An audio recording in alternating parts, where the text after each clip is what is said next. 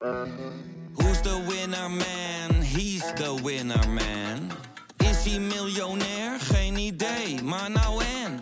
Je hebt geen jackpot nodig to be a winner man. Oh oké, dat is wel lekker man. Dit programma wordt mede mogelijk gemaakt door Toto.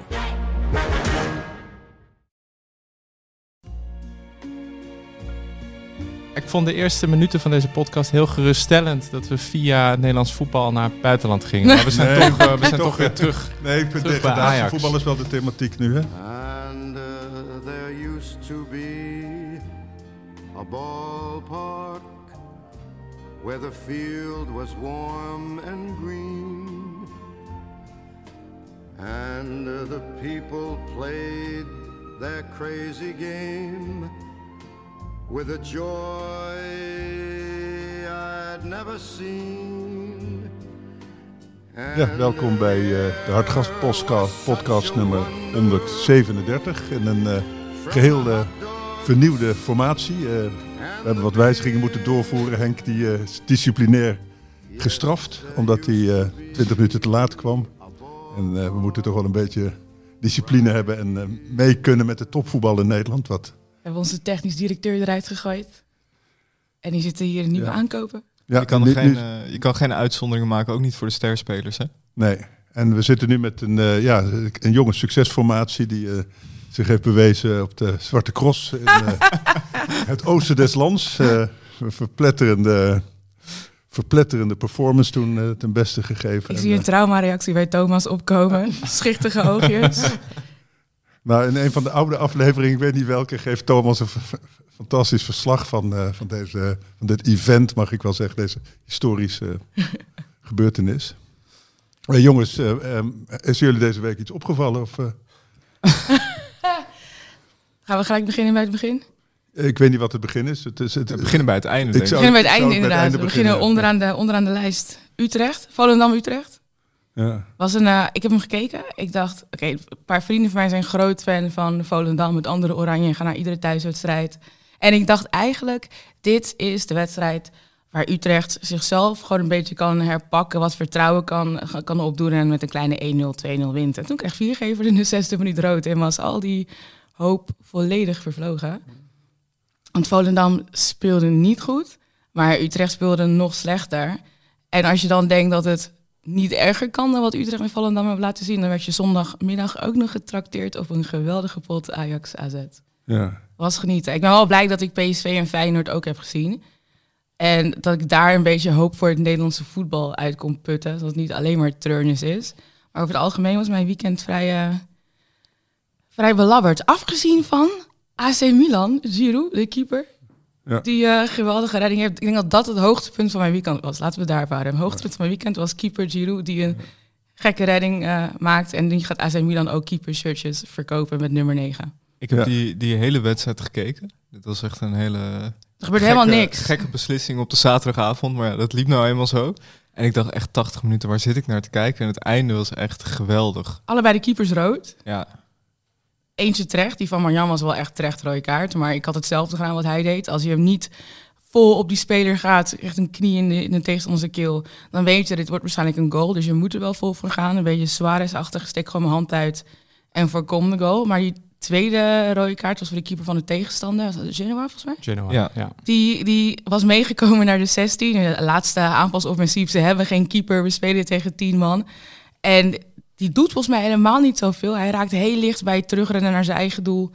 Eh, een aanvaller van AC Milan. Hij krijgt ook gewoon weer rood voor. ja maar Ja. hij had wel, eh, Hij had al geel. had wel ja. geel. Wat dat betreft moeten ze in de Premier League gaan spelen. Want uh, Kovacic, Kovacic, Kovacic, ja. Kovacic, die kon er toch wel mee, wegkomen. Hè? Ja. Met, eh, Die had in de eerste 10 minuten, dat was eh, Arsenal tegen Manchester City. Ik denk eerste 10 minuten had hij al rood moeten krijgen voor die overtreding. Dan denk je, oké, hij gaat nu wat rustiger aandoen. En vijf minuten daarna ging hij er net zo hard weer in. En Pep liet hem gewoon staan. Ja.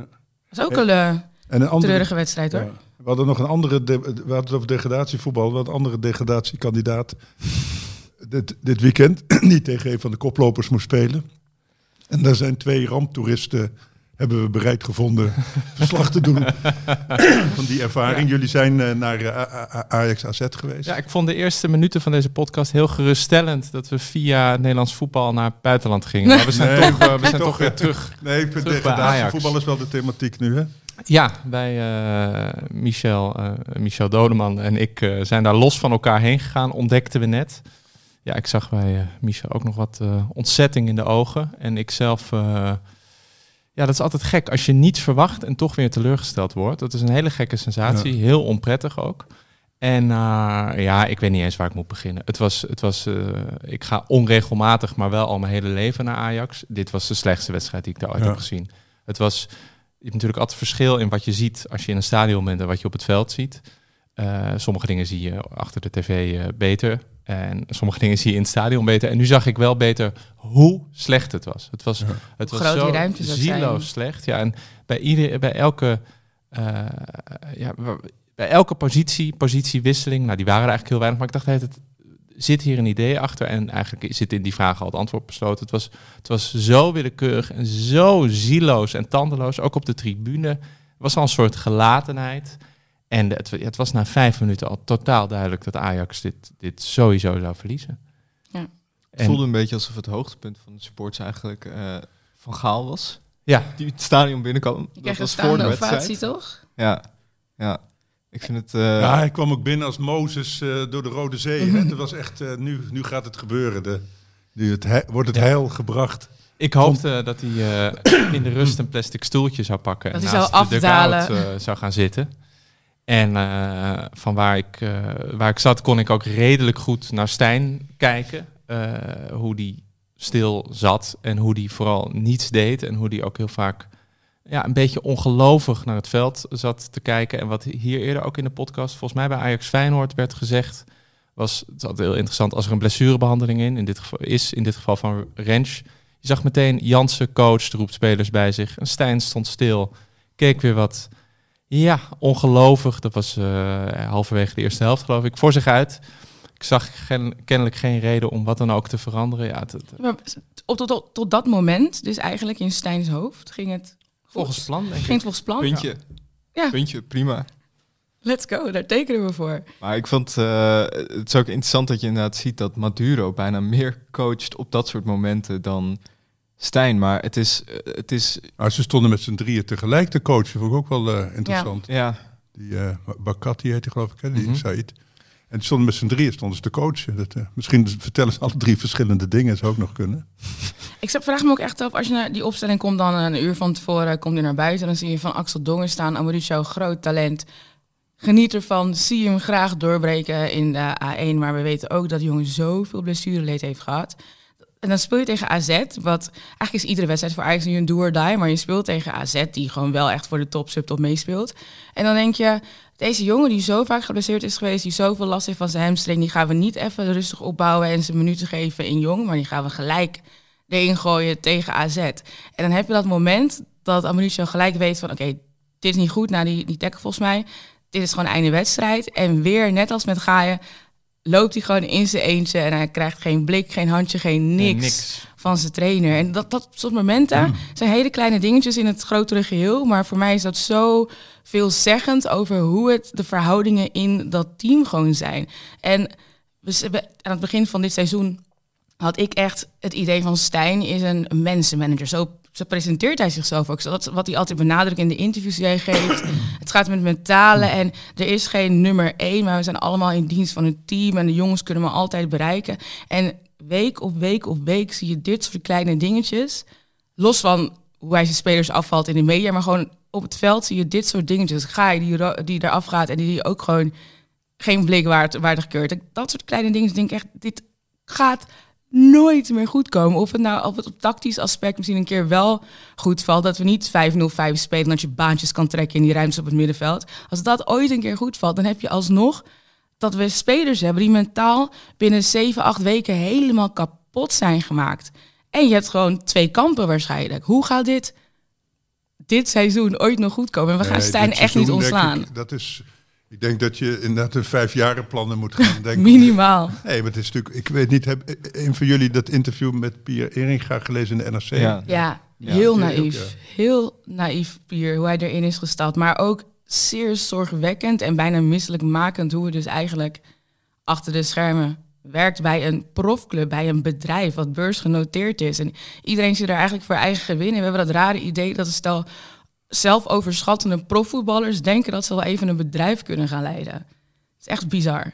Ik vond, het, ik vond het dubbel. Aan de ene kant dacht ik, eh, bij de woorden van Eringa dacht ik, ja, het komt wat naïef over. Eh, over eigenlijk zijn verbazing over de, de macht van de vijfde kolonne, de Ja, telegraaf, die gaf hij de voornamelijk de schuld. Hè? De supporters en Ja. de Telegraaf, daar kwam het eigenlijk op Ja. neer. Daar viel niet tegen op te boksen. Ja, hij is dat natuurlijk vanuit zijn positie niet gewend. Bij, bij ProRail heb je geen hooligans of zo. Maar eh, aan de andere kant dacht ik, ja, het is ook natuurlijk weer...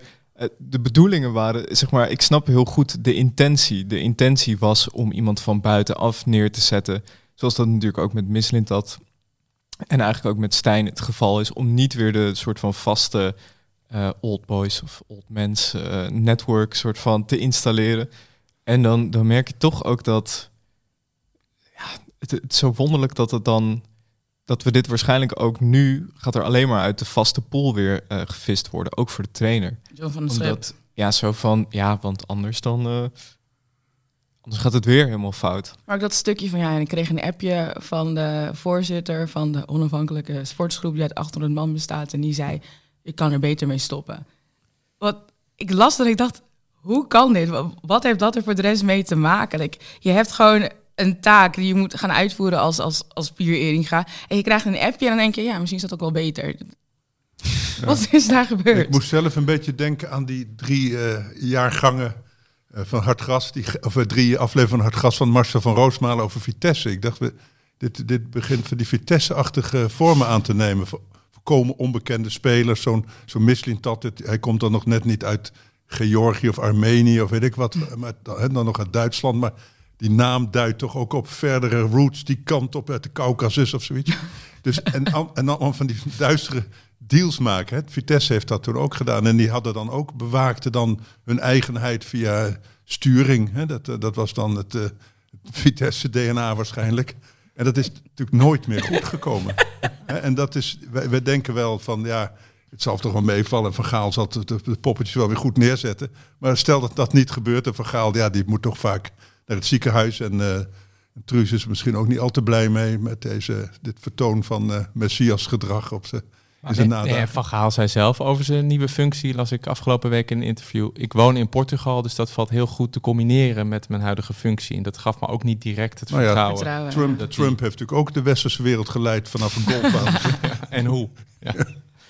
Maar ja, dus- sorry, ga je maar. Nou, ik had dus verwacht dat eh, Stijn gisteren zijn ontslag zou krijgen of vanochtend, maar hij heeft er gewoon nog een taak bij gekregen. Want hij moet nu ook het Ajax-DNA eh, bewaken binnen Ja. het technisch hart. Ja. Ik dacht dat dat dan de taak van John van het Schip zou worden. Ja, met die het illustere Stijn. Ajax-DNA waarvan niemand eigenlijk precies weet wat het is. Want hoeveel wedstrijden moet je hebben gespeeld voor Ajax om dan te behoren tot het Ajax-DNA? Ja. Is een krui, drie kruisjes op je arm getatoeëerd, is dat al genoeg om Ajax-DNA te hebben? Like, wat, wat is het Ajax-DNA? Maar Het, het is Nou ja, iets waar we het geloof ik nooit meer over moeten hebben. Frank de Boer had ook over Ajax dat DNA. Die heeft Ajax-DNA. vier seizoenen lang eh, breed gespeeld. Dus Ja. dat is ook Ajax DNA. Hè? Dus, dat zag ik trouwens ook weer terug. Het eh, Frank de Boer eh breipatroon, zou ik maar zeggen. Niemand durfde meer naar voren te spelen. Of, Nee, maar niemand en toen ging het goed. Toen ging het toch wel. Dat was de beste fase eigenlijk van de wedstrijd. Dat die- AZ wachtte af en zij speelde. Ik denk dat we daar ook echt mega veel geluk mee hebben gehad. Dat wat je zegt, AZ wachtte af. Ik denk dat AZ waarschijnlijk zelf ook verbaasd was van... Wow, wat gebeurt hier? We hebben zoveel ruimte. Dit moet een list zijn. Ze proberen ons nu in de val te lokken als we in deze ruimte lopen. Dat dan de kaken zich sluiten. Want ze hadden echt zoveel meer goals, zoveel meer druk kunnen zetten. Klaas Ja, zei het achteraf ook al. zijn niet top, hè? Die van Brederode en, en Lachto. Nou, ik denk dat je daar ook niet heel goed druk mee kunt zetten met die... eh, Ik denk wel dat ze er meer uit hebben kunnen halen. Ik vond ik het echt zo pijnlijk dat Klaassen dan achteraf zei... nog nooit dit seizoen hebben we zoveel ruimte gekregen. Geen enkele tegenstander. Heb je gezien waar AZ tegen heeft gespeeld? Het was in, in al die interviews van Dani de Wit eh, zei het eigenlijk ook. En die zei ook, je weet op een gegeven moment dat ze het een beetje laten lopen. Pascal Jansen leek ook verbaasd over hoeveel ruimte er lag. Ze kunnen het niet geloven. Het Nee. lijkt naar, we, Ja. de- we spelen tegen Ajax. Het komt door de shirtjes, denk ik. Dat ze denken, het is toch Ajax. Want ik denk, Die Voor de- Arsenal als shirtjes. je, als je het eerlijk wil doen, moet Ajax gewoon met andere shirts en een andere naam spelen. Dan, en dan zouden ze gewoon al lang degraderen. Hè, als, zij, als zij zo zouden spelen in, in, in, in, in shirtjes van eh, RKC of weet ik wat, of Cambuur. Hè, dan zouden ze al lang eh, degraderen. En ze heten FC Mislintat of zoiets, ik noem maar een naam. En dan FC Stijn. FC Stijn. Dan, dan zou het afgelopen zijn. Dan, dan zou niemand respect voor ze hebben. En dan zou iedereen eh, met, met eh, dubbele cijfers eh, van het veld Maar komen. ik, ik denk ook, Stijn is volgens mij, ik denk heel raar dat ik zeg, maar goed, volgens mij helemaal geen slechte trainer. Hij heeft het bij Sparta gewoon prima gedaan met het materiaal dat hij had. Maar ik heb het idee dat hij hier gelijk verzonken is geraakt in politieke spelletjes. En dan heel solipsisch nu kijkt naar zijn eigen team en gewoon niet meer het, het, het juiste doel voor ogen heeft. Hij, hij, het gaat gewoon niet meer. Hij kan niet meer focussen op wat er gedaan moet worden, omdat hij in het begin zo is meegetrokken in die, die slangenkuil. En ik denk dat het voor hem misschien ook wel beter is om een stap terug te nemen. Maar, Maar, die wacht gewoon tot hij ontslagen wordt. en ze 3 natuurlijk. miljoen kan meenemen. Maar het is duidelijk, het lukt niet, het is mislukt. Weg. Ik dacht gisteren zelfs in de laatste minuten, oké, laat AZ dan maar winnen als hij ontslagen wordt. Ja, dat is zo'n vieze gedachte. Hè? Dat je die dan krijgt, dan denk je meteen, oh mijn god, nee, altijd achter je club blijven staan. Maar toch hoop je gewoon op verlies, hoop je op een afslachting. En dan, zodra je dat denkt, dan komt er een beetje eh, maagzuur naar boven en dan voel je je misselijk worden. Maar dit is wel het punt waarop heel veel Ajaxiden, maar ook gewoon neutrale kijkers. Een van, een van mijn grootste troost die ik vind zijn Wessel Penning en Mark, een, een random Feyenoord twitteraar die altijd heel onaardig was afgelopen seizoen. Want toen was het nog echt vijand. En nu gewoon met medelijden mij probeert op te beuren. En dan vanaf een wedstrijd zegt van ik hoop niet dat jullie winnen. Wie is AZ? Jullie zijn Ajax, jullie zijn de beste. Dan denk ik, oh mijn god, ik haal mijn steun uit Ja, de Feyenoorder. Ik bespeur een klein beetje ironie, moet ik zeggen. Online is dat Heel moeilijk, te lezen, maar eh, ze zeggen het met een brede glimlach. Maar iedereen zit nu gewoon naar, naar elkaar te kijken, toch? Niemand, niemand wil iets doen. Of Van Hals die doet Ja, nu maar in eigenlijk maart begint alles. Cruise. Dus je wil ook niet te veel veranderingen in het, op het technisch gebied doorvoeren. Ja, want dat maar is maar voor nog, maart is nog ver weg. vijf maandjes. Je kan nog eh, veel punten verspelen in eh, vijf maanden. Alle punten. Maar ik, ik denk dat het dan Van Halst zou moeten zijn, die, die beslissing. Want die is nu algemeen directeur, die is terreinknecht, die doet nu eigenlijk alles volgens Maar mij. in het AD stond Maar ik vind ook een Citerend. beetje... Ja, maar dat, is, dat gaat zijn eigen leven leiden. Hè? Van voor, voordat het kroes komt, mag je niks doen. Ja. Maar als we het dan toch over bedrijfsleven hebben... toch heel normaal om een interim manager aan te stellen. Ja. Je kunt toch Mm. makkelijk een trainer aanstellen gewoon voor de, om, de, om puin te ruimen... en zegt je krijgt verder alleen een contract om dit te doen. En dan komt Kroes en dan eh, is je positie eh, onzeker. Er zijn toch genoeg trainers die dat voor geld wel doen. Is dat misschien stiekem waarvoor John van het Schip is binnengehaald? Dat ze hem heel langzaam en dan na de interlandperiode is het oké. John is de interim manager. Maar die wil dat geloof ik nu niet, ook wegens privé. eh, eh, vroeger had je veel van die trainers. Simon Kistenmaker was beroemd, hè? Die, eh, die grote dikke sigaar. De Graafschap en de Telstar zijn dan zijn bekendste club met de, de kist. Maar die kon, eh, en die, die schold dan iedereen verrot en die, die trapte links en rechts en die, die liet andere gehaktballen komen in de kantine. En dan op een of andere manier gedraaide zo'n team dan net genoeg om eh, degradatie te ontlopen of wat dan ook. Misschien kunnen we eh, Sam Allardyce eh ja, zo, laten dat is er ook zo een. Ja, ja. Nieuw Warnock. Zo'n no-nonsense type. Hè? Helemaal geen tactiek. Gewoon eh, spelen, jongens. Maar als we, wie vonden jullie de beste speler op het veld van Ajax? En met beste bedoel ik dus minst slechte. Nou, ik, ik had zelf met een paar spelers heel erg te doen. Ik weet niet of dat eh nou, troostrijke woorden zijn. Maar bijvoorbeeld Bobby, die kreeg echt helemaal geen bal. Die zou ik ook zeker niet de beste noemen. Maar de, de frustratie spatte er vanaf. En Hato vond ik niet eens zo slecht. Die gaat ook steeds slechter voetballen. maar die, nu. die wordt er ook, ja. Ja. daar heb ik ook zo mee te doen. Die is natuurlijk heel goed voor zijn leeftijd. En die wordt dan omringd door, door dat, dit, dit stelletje trillende knieën. Ja. En eh, ja, mensen die elkaar duidelijk eh, in de letterlijke zin niet verstaan. Ik moet in dit verband ook heel steeds Ja, denken... dat die af- Mico Tatsen, dat, daar- dat daar mo- wie moest er ook weer Branco. moest Branco van de bomen bij komen om, om te vertalen. Ja. Want je, bent, je speelt bij Ajax en dat moet die kant op Ja, maar dat zag je ook op het veld, want hij liep overal, maar Ja. was eigenlijk nergens goed bezig. Ik denk serieus dat hij echt niet wist Nee. wat hij moest doen. En dan vervolgens sta je op het veld. Hij spreekt geen Engels. Hij spreekt alleen Frans. Volgens mij spreekt niemand bij ons in het team vloeiend Frans. Of bij Ajax in het team vloeiend Frans. Dus er is ook geen aanwijzingen geven of zo. Ik bedoel, laten we eerlijk zijn. Branco is volgens mij ook niet vloeiend in het Frans. Bij Toulouse was de voertaal gewoon Engels met wat Franse woorden ertussendoor. Ja. Ik denk dat hij met een koptelefoon op moet gaan voetballen. Ja, oortjes. Ze, Airpods. eh, misschien Julien Escudé bellen, die je dan kan vertalen. Oh ja. Hij heeft wel een hele goede scheiding. Dat is, eh, het haar zit niet helemaal meer overal even dik ingeplant, maar het is wel een hele kaarsrechte pellen had er ook zo een. Hè? Dat is wel, eh, mooi. Niet onze pellen, hè? Nee, nee, de, de, de, De pellen.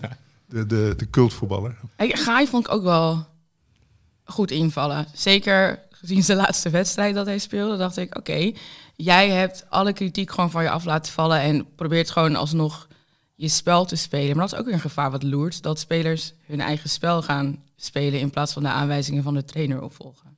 Ja, ik moet steeds denken aan dat, een filmpje dat Ajax tot mijn verbazing zelf online zette. Dat was kort. En ik dacht, ook, kan je daar nou wat uit afleiden? Volgens mij wel. Voor de wedstrijd uit bij AEK. Dat ze allemaal incheckten op, het, eh, op Schiphol. Ik weet niet of iemand dat hier heeft gezien. Ja, het, duurt, ja. het duurt 50 seconden. En, eh, Geef je ticket aan de dame, de ja. dame scant het, pak je ticket Precies. terug, loopt Dat- door dat zonder proces. oogcontact te maken. En daar komen ze alle 18 aan. En het lijkt wel alsof ze naar strafkampen Ja. worden vervoerd. Eh, niemand praat met elkaar, niemand praat met de medewerker. De, meerdere mensen, onder andere Miko Tatsen, hebben een koptelefoon op of in. Taylor zei volgens mij wel dankjewel of thank you. Eh, ja, de enige, eh, sommigen mompelden het nog met tegenzin. En eh, alleen Forbes die eh, glimlachte en keek, keek de dame die daar werkte aan. En ja, dat, dat Ajax dit zelf online zette. eh, iedereen met zijn helemaal strak smoel. Ik dacht, dit- zijn mensen die, die met tegenzin weer naar zo'n wedstrijd gaan. En hebben jullie nog Geen- met jullie... Ik weet niet of jullie snel naar de parkeergarage gingen of nog het hele afwikkeling hebben gezien. Want je zag, het was nog zo'n walk of shame kwam er. Ze moesten de, de supporters bedanken, de Ajax-selectie. En dat zag er ook heel triest uit. En dat, dat is zo grappig bij voetbalclubs, dat alle rituelen, want je hebt ook vaak zo filmpjes die ze dan voor, voor een training en zo, eh, dat clubs dat ook blijven doen als het heel slecht gaat. Dus dan zie je allemaal spelers met zo'n zo'n lijkbleek gezicht dan het trainingsveld opkomen. en dat moet dan leuke content voor de fans zijn. Ik Mm. weet niet voor Ja. wie dat eh, precies is. Maar eh, ja, maar ehm, we hebben het over Ajax AZ. Ik wil het toch graag even hebben over, want ik snap nog steeds niet wat er nou helemaal gebeurd is donderdag bij AZ Legia Warschau. Die twee, ik zat te denken, die twee spelers, ik las dus dat die twee spelers van Legia, die hebben een nacht doorgebracht In de een, cel. in een politiecel in Amsterdam. Daar moet toch ooit een waanzinnige reconstructie van komen? Nou, er is een, een, een, bewaker of een surveillant is helemaal verbouwd door hen. Die is, die is ziekenhuis Ja. gebroken elleboog en weet ik wat, een her, eh, hersenletsel. En echt Maar we- heel ernstig. En dat was omdat zij mochten het eh bepaald deel van dat complex niet uit om, ja, voor hun eigen best wel eigenlijk. En dat waren ze niet mee eens. Ze wilden gewoon doorlopen. Dus hebben die, die suppose, of wat het was, hebben ze toen eh, gemolesteerd. En daarom, en daarom ontstond die ellende. Toen zijn ze wel gewoon doorgelopen de bus in. En toen heeft de ME gezegd, eh er moeten er twee uit. Die moeten naar het politiebureau. En die wou ze niet af, afgeven, of hoe noem je dat, eh, afstaan. En toen werd het zo vervelend. Maar je moet bedenken dat je dus nog naar Warschau moet als AZ zijnde. En hoe het daar in de media wordt gebracht, is het echt alsof eh, ze zijn gegijzeld en gewoon onschuldig en de ME heeft op hun ingeslagen en zij hebben niks gedaan. Dus dat, dat gaat nog volledig uit de hand lopen. Want het zijn nog best wel intense... Fascisten, hè? Precies, ik wil het niet zo zeggen, maar... Je kunt het gewoon zeggen. Hier mag je het gewoon zeggen. In, Wa- in Warschau zou ik een beetje voorzichtig zijn. Maar Danielle wilde gewoon heet gebakerd zeggen, maar shit, kan ook, kan ook. Heet gebakerde fascisten, laten we het zo zeggen. En hoe kan je die veiligheid zeg maar wel garanderen? En voor je supporters en voor je spelers. Want er gaat sowieso vergelding komen. Daar wordt al opgeroepen op, ja, dat is zo'n Telegram eh, kanaal waar ik dan even ging neuzen en dan door Google Translate halen. Dus ik weet niet hoe goed het allemaal is vertaald. Maar mensen zijn de sporters, de, de harde kern ja, is zijn daar de boos. ergste met Lazio en zo zijn dat de allerergste. Die willen iets terug doen. Dus dat, dat gaat echt nog hopelijk en niet al te ernstig staartje krijgen. Jij ging even neuzen in de Telegram groep van Hardcore. Ja, ik ben nog gewoon heel nieuwsgierig. Omdat Onze- je zag ook op, op eh, social media, zag je, maar je zag onder posts van AZ, zag je ook allemaal eh Warschau supporters het soort van overneemt. Dacht ik, oké, wat, wat voor kanalen kan ik vinden waar zij actief zijn? Dus eh nou, een uurtje googelen, even je allerlei doorklik, linkjes en maar blijf je vertalen met Google Translate, wat echt mijn leven heeft gedaan. Toen kwam ik uiteindelijk in zo'n Telegram kanaal terecht. Wat dat betreft is het voor AZ niet raadzaam om nog beter te worden als we hebben West Ham al eh, voor een leven tegen zich. En, eh, en nu Legia Warschau is dat eh, die opmars De doorgaat. keerzijde van hun succes. Kan je als Alex maar kaarsboertje niet meer naar het buitenland. Maar ja, we hebben dus enerzijds het Ajax wat niet wilde gehad. Het AZ wat ook gewoon verbaasd was over wat ze wellicht wel konden. En dan zie je PSV en Feyenoord die allebei gewoon op 50, 60 procent speelden naar hun Europese wedstrijden. En de eerste helft tegen Sparta leek het heel even van... oké, misschien wankelt PSV vooral ook nadat die goal was afgekeurd. Waarvan ik nog steeds... Totaal belachelijk. Ik begrijp de argumentatie, Ja. maar ik ben het er niet mee eens. Dan kun je elke goal bijna wel afkeuren, volgens mij. Want het, het, het was dus zo, als hij de bal terug had gespeeld, Veerman, dan was het een nieuwe aanval geweest en dan was het dus een geldige goal. Ja. Rare Dat was lezing. wel een mooie kopbal van Luc weer. En Noah Lang natuurlijk, Ja. weer eh, uitgevallen. Maar ja, die hoeven dus heel weinig te doen om en toch met speelsgemak... volgens mij geschoten ook. Dus ze waren wel veel beter, toch? Ja, maar ze speelden niet vol en ze winnen wel eigenlijk met gemak. Met grote cijfers ook nog. Ja.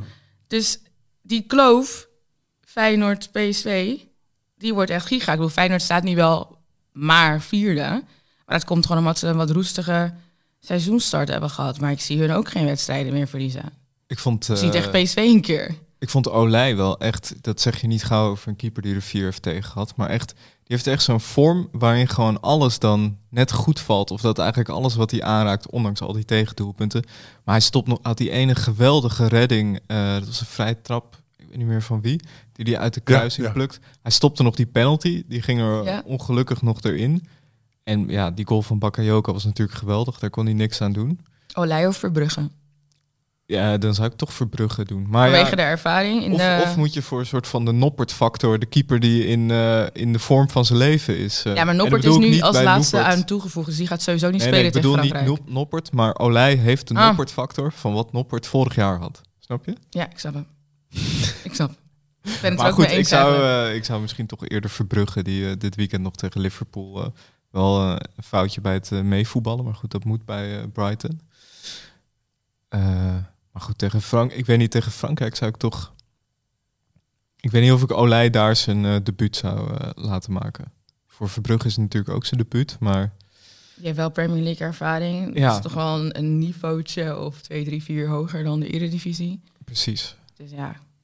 Ik heb er eigenlijk wel zin in vrijdag.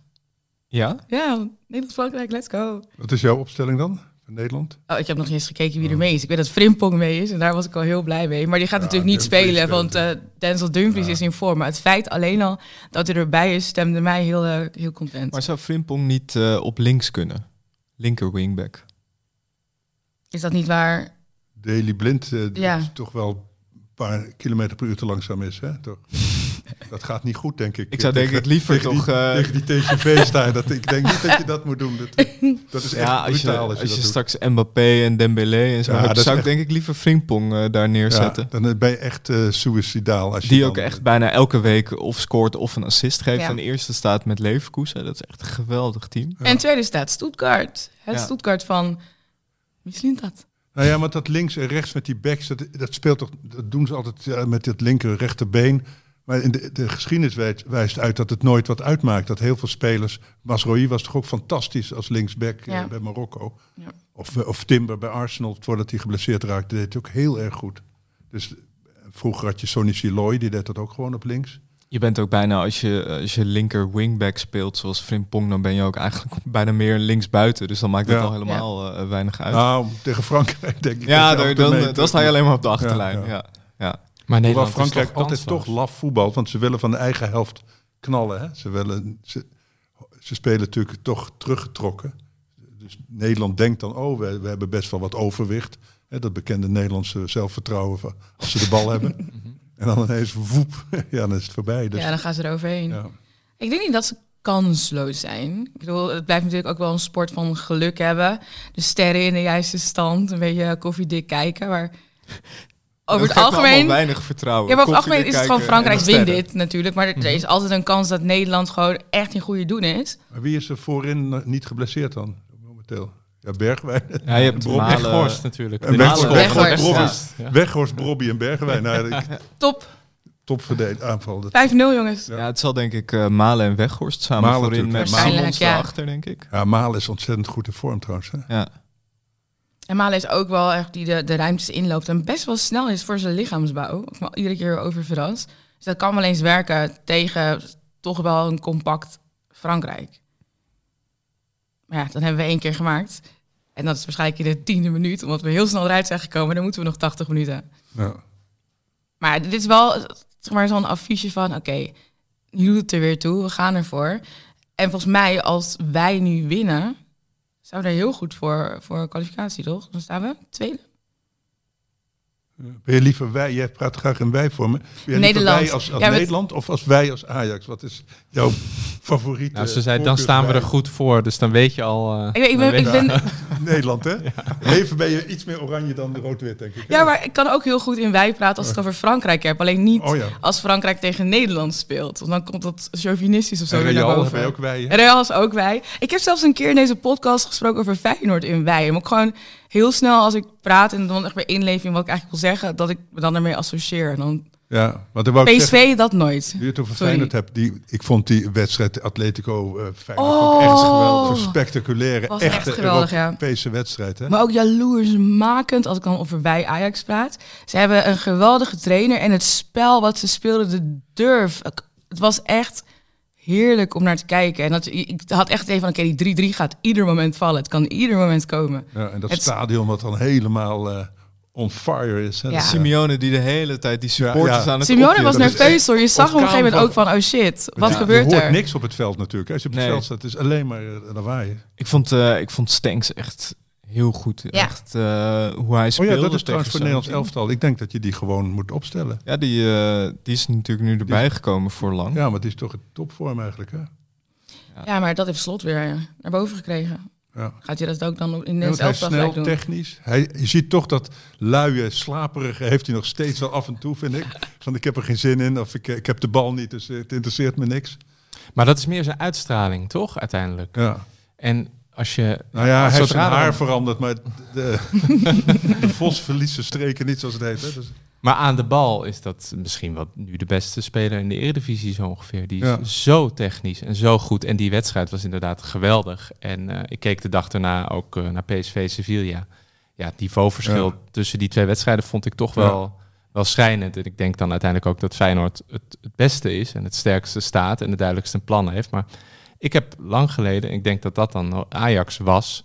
eh, het is echt jaren geleden dat ik een Nederlandse wedstrijd zo goed voor de dag zag komen. Ik vond het ook heel, heel sneu dat ze hem, dat ze hem verloren. ja. En ook hoe ze die jaren tegengoals geleden. Atletico, een Atletico PSV herinneren, wat ook heel spectaculair was, misschien wel 15 Ja. jaar geleden of 10 jaar geleden. Dus het, dat, dat, dat wordt natuurlijk, wordt voor die Nederlanders moeten dan echt gaan voetballen hè, tegen zo'n ploeg. Dat is, dat- toch het beste in je boven. Maar dat vond ik. ik knap bij Feyenoord. Dat ze aan de ene kant wel meegingen in die in intensiteit.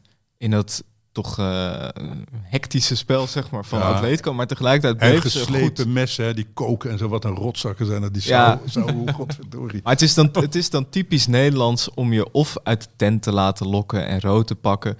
Of om alleen maar bij de scheidsrechter te gaan zeuren. Maar dat is totaal niet het geval. Ze bleven hun eigen spel spelen, Ja. maar tegelijkertijd wel heel goed intensief, zeg maar. En Ja. waarom verliezen ze dan?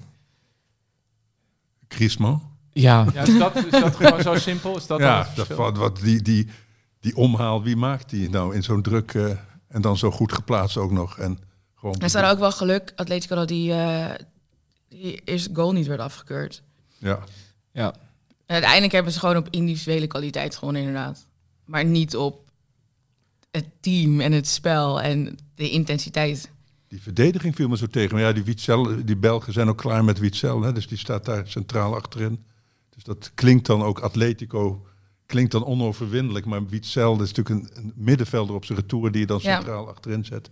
Tegen eh, eh, een, een, een heel snel en bewegelijk Feyenoord. Dat, eh, Ik vond het bij eh, Sevilla ook wonderlijk dat je dan een centraal duo hebt dat bestaat uit Sergio Ramos en Goudelje. ja, maar kon je Ramos tien jaar maakt geleden toch ook niet Iedere eh, wedstrijd eigenlijk een fout, waar dan een goal uitkomt. ik vond die Ramos wel weer ouderwets goed, eerlijk gezegd. Ja, maar hij, hij speelt altijd goed, fouten. maar hij maakt ook altijd gewoon Ja. één beslissende fout. Dat had hij eh, die week daarvoor in de, in de Spaanse competitie ook. En volgens mij die eerste wedstrijd in de Europa League had hij dat ook. Ja. Waar ze toen tegen dat, eh, dat stadion met die bergen erachter, Braga volgens mij. Oh, ja, Was het ja. Braga? Maar ja, toen maakte hij ook gewoon echt in de, een van de laatste minuten gewoon een grote fout. En daar komt dan een goal uit. Maar hij, het blijft gewoon een geweldige speling. Dat is wel een van de beste vleugelverdedigers, centrale verdedigers, hij kan op beide posities, is van de afgelopen tien jaar. Ja, toch, nou, iets, iets verder Hij terug. is begonnen als rechtsback, ja. Dat Ja. klopt, toch met zijn beter lange dan, haar. eh, Ja. Toch beter dan Ramaljo, hè? Bleek. Ietsjes, Ja. ietsjes. Oh, die had geluk, jongen, dat die goal werd afgekeurd. Zo. Ja, maar Bos blijft bij hem zweren. Wat, wat een, ja, wat een toevalstreffer. Die- Dat is toch een, die, die, die gokt op geluk, zou ik maar zeggen. Dat, die doet me wat, hè? Die Ramaljo. Dat is, hij heeft wel veel inzet, vind ik. Hij kan goed koppen, maar positioneel is het niet een eh, genie, denk ik. Hè? Wat moet Feyenoord eigenlijk doen met eh Ueda? Ik zie Santiago Jiménez, die is aan. Die, die scoort iedere wedstrijd. en, die dan- en gaat anders 30... moet je met Minte spelen, volgens mij. Die, eh, die zou ik toch ook altijd opstellen als je kunt, toch? Die Minte. Want, Ja, maar ze hebben nu twee spitsen. ja. En ik ben zelf groot liefhebber van Ueda. Het is echt zo'n een, een sterke spits. Maar die gaat in dit elftal gewoon niet aan spelen toekomen. Maar, maar dat is toch ook bij zo'n aankoop helemaal niet per se erg. Want Jiménez gaat natuurlijk weg de Ja, die gaat aankomende weg, zomer. ja. En eh, volgens mij is het Of idee... ook- geblesseerd. En dan moet je toch een Volgens mij is vergelijking. het idee juist dat je iemand dan eh, eh, een beetje wat Ajax nu totaal niet doet en ook niet kan doen. Iemand hem enigszins in de luwte klaarstomen, af en toe laten invallen. En af en toe dan, die laten kan dan meedoen. Naadloos inschuiven ja, als Jiménez wegvalt. Dat, volgens mij is dat helemaal het plan en gaat het ook volgens plan. En Jiménez is nu wel echt ja, monsterlijk goed. Ja. Eh, be- duidelijk beter nog dan vorig jaar. En eh, ja, ook tegen Zwolle, als je ziet hoe, hoe die ze erin schiet. Eh, de- Tweede- alles gaat erin. Tweede doelpunt met Ja, zijn linker. ja, En Ja. perfecte, Bizar. perfecte moment Ja. dat hij hem schiet en zo hard gewoon echt. Het was sowieso mooi wat eraan vooraf ging ook. Het is een mooi, snel Ja. uitgespeeld, één keer doortikken en goal, weet je wel. Ja. Ja, ik heb het veel, niet vaak gehad. Veel seizoenen niet gehad. Maar ik heb nu, ben ik wel op dat punt beland dat ik echt naar de andere topploegen, tussen aanhalingstekens andere. Ajax is dat op dit moment niet, maar de andere topploegen in de Eredivisie kijk en gewoon wel echt jaloers ben op de kwaliteit van de spelers, de snelheid van het spel, de positionering, het druk. Dat ik echt denk van wauw, look at this. En dan kom je weer in de arena en dan eh, ja, word je weer met de neus op de feiten Ja, gedrukt. wat ook knap is, Kukshu was toch de, de dreh- angelpunkt, zoals het in Ja. Duitsland heet, van het hele team. En dat maakt niks uit nu. Die, ze spelen echt nog beter dan met Kukshu. Ja, Timber is ontwaakt, Seruki gaat prima Ja, nog wel mee. deed het heel goed Ja. trouwens, vond ik. Tegen Ja. Atletico, Ja. ja. heel erg goed. En Wiever trouwens, eh, en ook nu de laatste wedstrijd is hij ook weer goed. heeft zichzelf hervonden nadat Ja. hij in het begin al aangaf dat niks wat hij in zijn hoofd had lukte. Ja. En nu opeens zie je hem weer gaan. Zie je de oude Wiever die we vorig jaar zo bejubelden. Ja. Ja, wie had het ooit gedacht dat we hier gewoon met Amsterdammers zitten en het gaat eh, voornamelijk over Feyenoord. Ja, nou, dat vind ik nu dus ook wel prettig eigenlijk. Ja, dat is waar. Is de koning van de week voor jullie dan ook een Feyenoorder of eh, Voor mij toch wel. iets anders? Ja, Jiménez, ja. Jiménez?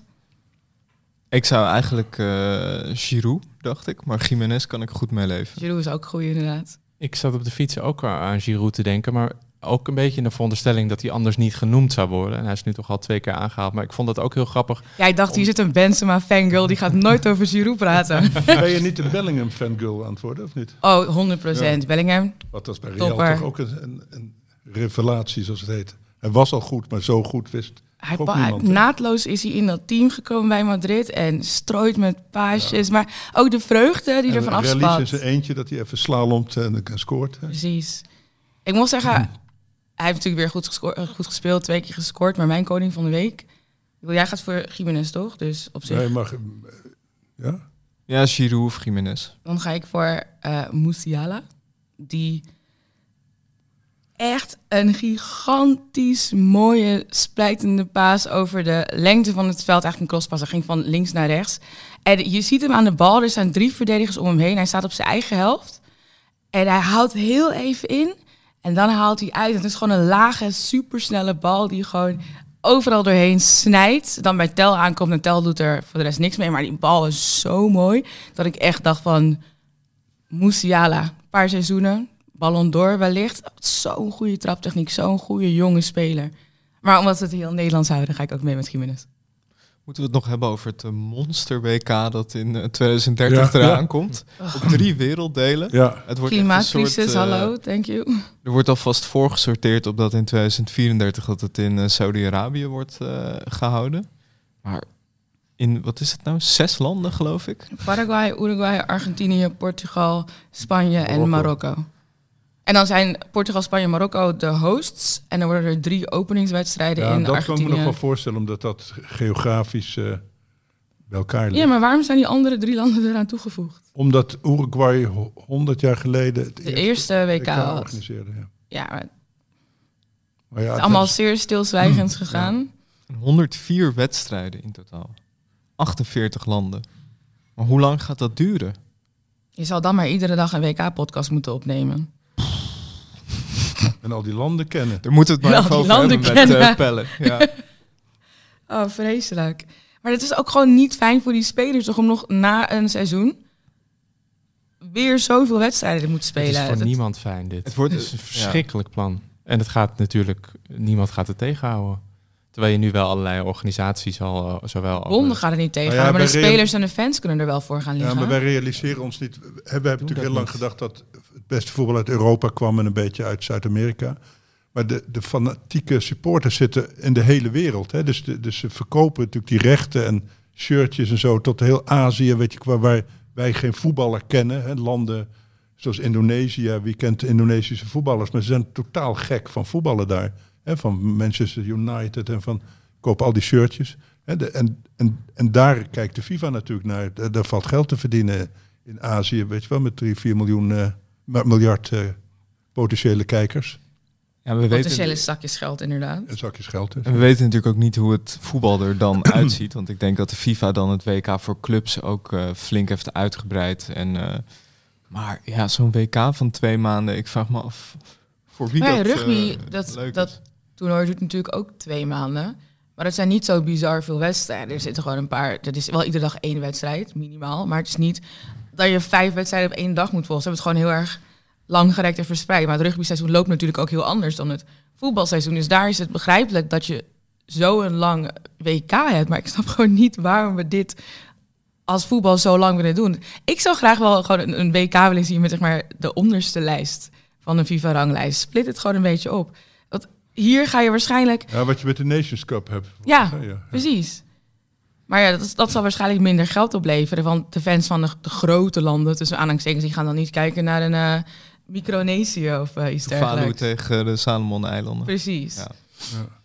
Maar ja, het wordt een soort eh, alternatieve werkelijkheid. Hè? Je hebt gewoon de wereld en je hebt een soort voetbalwereld die permanent Aan is via je scherm tot je komt. Dat je gewoon een soort metaverse. Op een gegeven moment weten we niet eens meer dat er een WK voetbal. bezig is. Nee, dat is gewoon altijd op de achtergrond is er een Ja. WK bezig. Net zoals er ook in de we- gewone wereld altijd wel ergens een oorlog uitbreekt, weet je wel, nu weer in Ja. Israël. En wij gaan gewoon ook rustig door, weet je wel. Dat maakt niet meer uit, want wij hebben onze werkelijkheid. En dat heb je dat voetbal ook. Dus je, daar- Ja. die kant gaat op. Ik ga het in ieder geval niet allemaal kijken. Dat eh, zeg ik nu wel. Tenzij het regent. Kunnen het proberen. Is er verder nog iets opgevallen deze week, dit weekend? Ja, Arsenal en City hebben een, eh, ook met een cliché termen te zeggen, schaakspel gespeeld. Maar dat was echt een machine tegen een machine.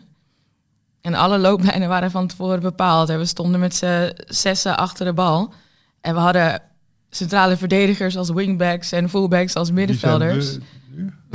we- als in de kijker. Oh, de kijker. Nu is, het, nu is we de kijker. Nu is we de kijker. Want Arteta is natuurlijk een telg van Guardiola. Dus die, die speelde gewoon een tactisch spel. Dat was enerzijds heel leuk. Of nou ja, leuk is juist heel intrigerend om naar te kijken. Om zeg maar te ontwaren welke systemen er zijn. Hoe ze precies de plays willen gaan uitspelen. Maar anderzijds voor een neutrale kijker was het af en toe ook echt behoorlijk geestdodend. 100%. Maar is het ook niet dat City ietsje minder goed is zonder Kevin de Bruyne? Niet ietsje. Ja, echt veel minder goed. ja, heel ander team. Die Kovacic, de- die werd gewisseld voor... ehm, ja, Nunes. Die was veel bewegelijker. Die, die zette wel de lijnen uit. Die verdeelde het spel. Maar je merkt gewoon dat Kovacic en, en Nunes... Dat, dat is gewoon geen Kevin de Bruyne. En dat Nee. team staat heel anders. Je zag het met Walker. Die wilde op de vuist gaan met Nicolas eh Gover. Die oude... Zijn oude collega bij, eh, bij City. Die eh, set pieces coach, omdat hij hem een hand wilde geven. Like, er staat zoveel spanning op. Zij hebben de Bruiner weer nodig, anders Ja, en Ja. Rodri mist. En Rodri natuurlijk, ja. Ja. Maar het is wel echt, als je, ik zat eerst de Eredivisie samenvattingen te kijken en toen eh, daarna een samenvatting van eh, Arsenal Manchester City. Dat is wel echt een ander spel. ja. Mm. Het heeft Een eigenlijk andere sport gewoon. Hè? Het Ja. is een ander sport, ja. Ja. Het is, eh, je ziet in de Eredivisie spelers Want waarschijnlijk je mag als die... het nooit zeggen met vrouwenvoetbal en mannenvoetbal, maar dit is bij Eredivisie en Premier League kunnen we het gerust zeggen. Ja, ik denk dat de meeste Eredivisie spelers, als die daar op het veld zouden staan, dat ze echt verdwaasd om zich heen zouden kijken. Nou van, ja, wat, PSV wat had dit? het ook. Hè? Die hebben het ook gewoon toegegeven. Dat, dit, eh, dit kunnen wij niet. Weet je wel? Dit, is een soort, sp- dit gaat ons te snel. Nee, dat is echt een andere, van, Ja. een andere planeet. Is dat. Maar ik moet zeggen, ik was vorige week zaterdag was ik bij Millwall Swansea. En die spe- Millwall speelt stijnbal. Lange ballen naar voren, middenveld gewoon volledig overslaan. Maar daar werkt het. Ze hebben wel met 3-0 verloren. Maar daar werkt het. En er komt een soort van snelheid en kracht los om voor iedere bal te gaan. Als je zelfs dat championship vergelijkt met hoe bepaalde teams in de Eredivisie spelen. Op dit moment ook in Ajax. Dan denk je ook van, daar zit ook echt een wereld van verschil in. Ik wil niet het woord Farmers League in de mond nemen, maar soms zie je wedstrijden in Engeland, zowel Championship als Premier League, dat je echt denkt van, wow. Terwijl Michelin dat toch goed ingekocht heeft in de Champions, het is Championship, toch? Daar kan het niet aan liggen. Die heeft echt gericht op tweede divisie. Je dacht, dat is het toekomstige Die dacht dat is. We gaan in de, in de lagere divisies kopen, want eh, daar moet, eh, dat is ons niveau. Maar de grootste fout van Michelin dat blijft natuurlijk Stijn. Stijn. Ja. Dat, dat, is, dat is evident. Ja. En, en, en Akpom viel ook gisteren in eh, heel slecht. Ja, maar ik dat zo. Ja. Dat, Iedereen Ja, is slecht staat zonder er vertrouwen. bij. Maar die Shooterlo, dat is toch ook, iedereen zegt het, maar ik heb er echt niks goeds van gezien van die hele vent. Volgens Stijn was het omdat er met zijn eh, de, de transfersom en in de media werd er te veel druk om gezet. En hij is het soort persoon die daar dan niet zo goed mee omgaat. En daardoor speelt hij nu wat minder, maar hij kan het wel echt. Hij laat het op de trainingen zien, zoals het heet. Juist. Achter gesloten deuren. Ja. Wat ik eh, wel nog eh, eh, leuk vond, ook Pelle wijst naar de Oh ja, Oh, afsluiten. Nou, wat ik wel wilde zeggen nog, wat ik wel leuk vond. eh, ik zat een tijdje geleden bij Almere City in het stadion, Ja? eh, aan het begin van het seizoen. En toen dacht ik, eh, oeh, dit, wordt, dit kan een lang seizoen voor ze worden. maar, Maar, ja. maar tweede keer gewonnen. En dat vond ik wel echt leuk. Dat, dat gun ik ze ook wel echt. Ook vooral die spits, die Robinet. Daarvan dacht ik ook aan het begin van het seizoen van... hmm, ik, weet, ik weet niet of dit ze nou gaat Nee. redden. Maar ik vind het toch echt knap van Pastoor hoe die dat dan toch weet om te draaien. En ja, als hij ze erin houdt Ze zonder staan al te twee in de veel... laatste, toch? nee, Eén laatste. ver boven ze Ajax. boven Ajax. Wacht, we hebben Volendam, Ajax is Utrecht, Ajax. Daar zit nog je iets hebt Al- tussen, je hebt toch? Almere, Volendam, Ajax. V- v- Volendam, Nee, Ajax. Volendam staat, o- 16e. Volendam staat onder Ajax. Oh ja. Nog wel. Dan staat Utrecht Oh mijn god, Almere City staat gewoon dit, boven dit Ajax. gesputter over de ranglijst, dit geeft ook aan dat we nog helemaal niet aan deze werkelijkheid zijn gewend. Ajax zit hier van op na-competitie eh, plaats. Ja. Ja. Ehm, we moeten nog iets voorspellen. Ja, Nederlands-Frankrijk. ja. De wedstrijd van de week. Danielle gaf al een voorzet dat jij dacht dat ze wel een kans hadden, toch? Ik zeg 1-4. Oh, Oh. we, we hebben een kans, Frankrijk. eh. Ehm, 1-1. ik, ik geloof er niet in, maar toch maar even. Toch een optimistische voorspelling. Ja, Ja. ja. 0-2. Een kansloze 0-2. ja, en dan doe ik ook optimistisch eh, 2-2. Oh, hoor. En wie wordt de, de definitieve koning van de week? We hadden het er net al even over. Ja, dan dan, hè? Je Santiago. moet ook een beetje een klassement maken voor het eind van het jaar. En dan is Jiménez natuurlijk wel eh, een van de spelers die... eh, Volgens mij is Gimenez ook al een paar keer eerder koning van de week geweest. Dus vorig jaar had je Gakpo en je hebt van die spelers of, of Xavi, Simons had je vorig jaar. Noah Lang zal wel oh ja, kans maken. Ja. Als hij fit blijft. Alright. Ja, nou, tot, eh, tot volgende week. Wel- Welke de degradatiekraker hebben we volgende week? Nou, we hebben binnenkort Utrecht-Ajax. Dat, Ja. eh, dat gaat om, 22 eh, de rode oktober volgens mij. Ja. Ja. Kunnen we dan officieel laatste? Kan Ajax dan officieel laatste worden? Als Volendam ook wint, volgens mij wel. this year. Lovely, ik kijk er naar uit. Tot volgende week, mensen. Yes, there used to be a ballpark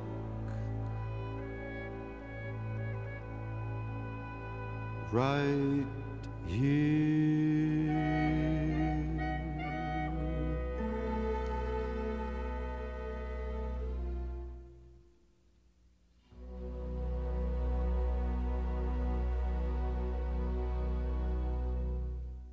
Dit programma werd mede mogelijk gemaakt door Toto.